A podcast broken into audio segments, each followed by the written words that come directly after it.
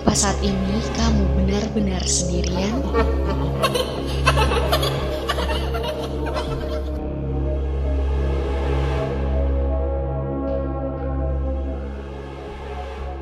Sebenarnya ini cerita teman gue sih, tapi kejadiannya pas gue lagi ngkos bareng berdua sama dia. Kita sebut aja namanya Gita. Dan cerita ini yang nyeritain sih si Gitanya langsung ke gue. Jadi, kita itu kan asalnya dari luar Jakarta. Pertama kali kuliah di Jakarta, dia ngekos di sekitaran kampus.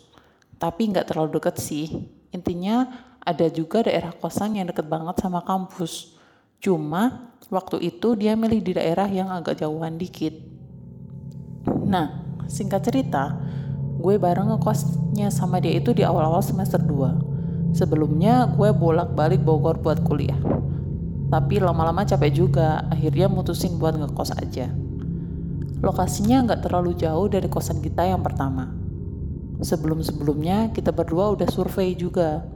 Akhirnya nemu satu kosan yang kita suka di awal gak ada yang aneh sih dari bangunannya, biasa-biasa aja. Kosan tiga tingkat gitu, ada parkirannya lumayan luas. Ya kayak kosan biasa aja sih sebenarnya. Kamar gue dan Gita ada di lantai dua. Cuma yang gue notice di awal kayaknya sih ini bangunan lumayan lama. Dilihat dari furniture di dalam kamarnya. Tapi ya gak yang terlalu lama gitu sih kelihatannya Soalnya tembok dan furniturnya itu dicat ulang sama pengelolanya setiap ada penghuni baru masuk. Yang nggak bisa nggak kelihatan jadul sih paling cuma TV-nya, karena masih pakai TV tabung 21 inch. Jadi, gue dan kita gak ada pikiran aneh-aneh lah di kosan itu pas survei. Kita pun suka dengan kamarnya. Lagian yang ngekos di sana rata-rata orang kerja semua. Jadi kita mikirnya kalau ngajak teman-teman kumpul di situ pas siang kalau habis kelas gak bakalan ganggu tetangga lah. Setelah kita pindah di minggu-minggu awal pun gak ada ya lah. Kan?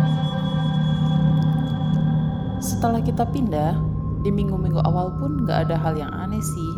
Biasa-biasa aja. Cuma gue biasanya tiap weekend pulang ke rumah. Jadi kita sendirian di kosan waktu dia sendiri di kosan juga nggak ada cerita yang aneh. Barulah pas sekitaran bulan kedua, gue inget tuh, dia mulai cerita kalau dia sering cut. Dia mulai cerita kalau dia sering ketidihan gitu pas tidur. Dan itu kejadiannya juga selalu pas gue lagi perang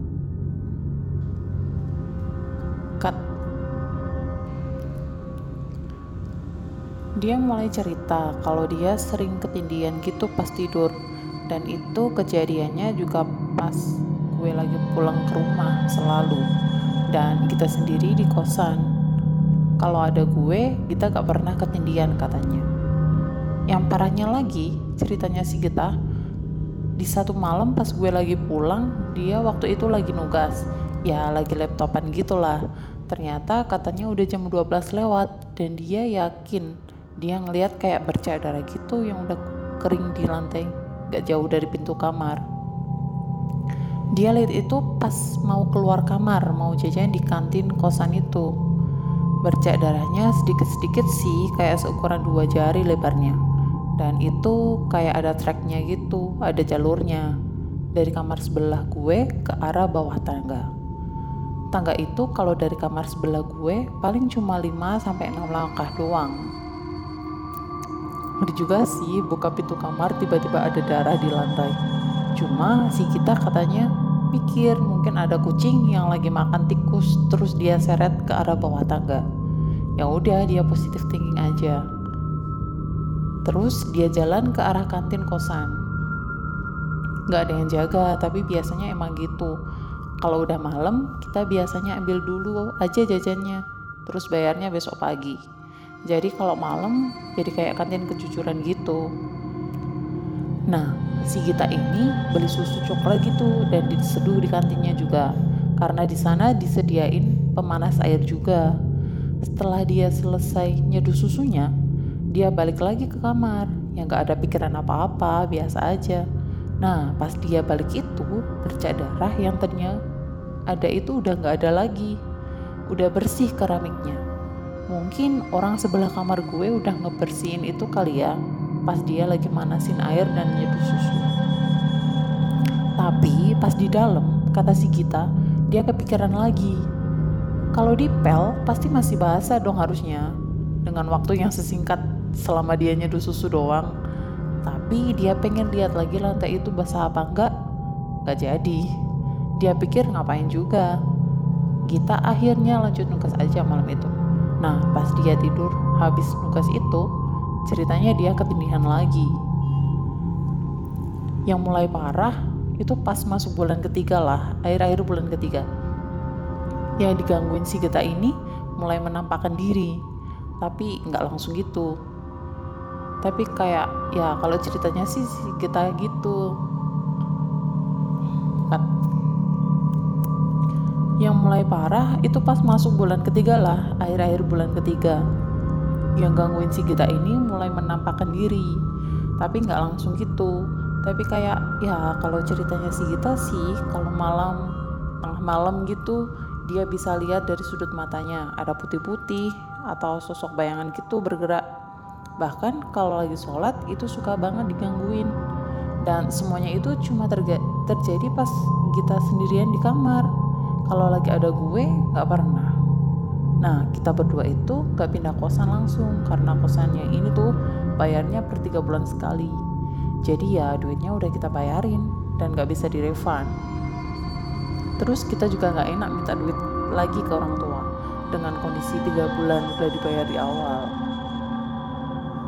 Satu waktu gue mesti pulang ke rumah lebih awal yaitu hari Kamis.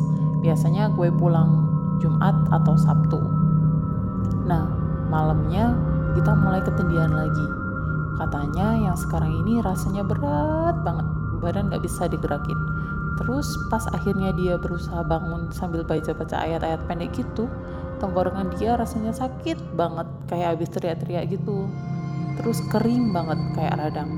Tapi mau nelen ludah juga gak ada, kering banget mulut sama tenggorokan Akhirnya dia nyalain lampu. Badannya kerasa capek banget. Ya kayak biasanya kalau ketindihan gitulah. Terus kita mutusin buat sholat karena ternyata dia inget kalau dia belum sholat isya. Biasanya di kamar itu kalau sholat arah kiblatnya kita ngarep ke pintu kamar. Nah di atas dan di samping-samping pintu itu ada ventilasi kaca gitu lumayan gede. Jadi pemandangan luar itu bisa kita lihat dari ventilasi kaca tadi. Nah, pas dia sholat, udah bagian doa. Cut.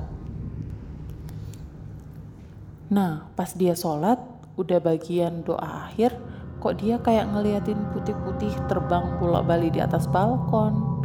Terus dia kayak iseng gini, karena kesel banget. Tiap sholat diganggu terus, itu kayak sini muncul. Kalau emang mau ganggu, muncul sekalian. Nah, dia emang beneran muncul. Di posisinya ini dia di atas genteng yang tadinya lagi nggak nah pas dia sholat udah bagian doa akhir kok dia kayak ngelihat putih putih terbang bolak balik di atas balkon. Terus dia kayak iseng gini karena kesel banget tiap sholat diganggu. Terus itu kayak cut. Nah pas dia sholat udah bagian doa akhir kok dia kayak ngeliat putih-putih terbang bola balik di atas balkon. Terus dia kayak iseng gini karena kesel banget tiap sholat diganggu terus. Itu kayak sini muncul kalau emang mau ganggu muncul sekalian. Nah dia emang beneran muncul. Di posisinya ini dia di atas genteng.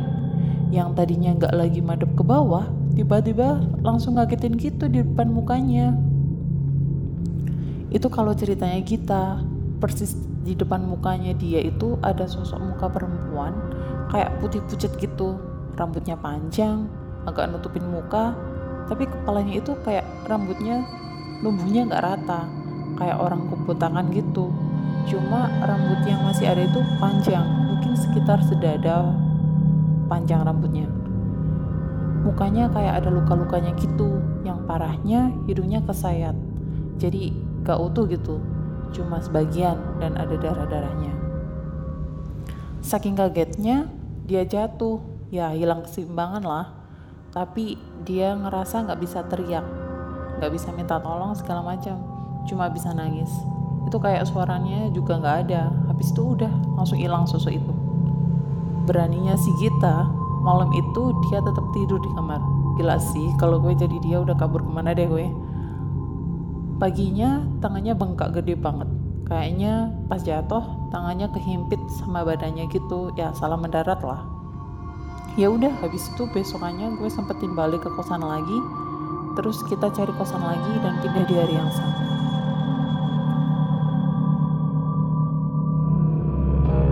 Apakah kamu benar-benar sendirian?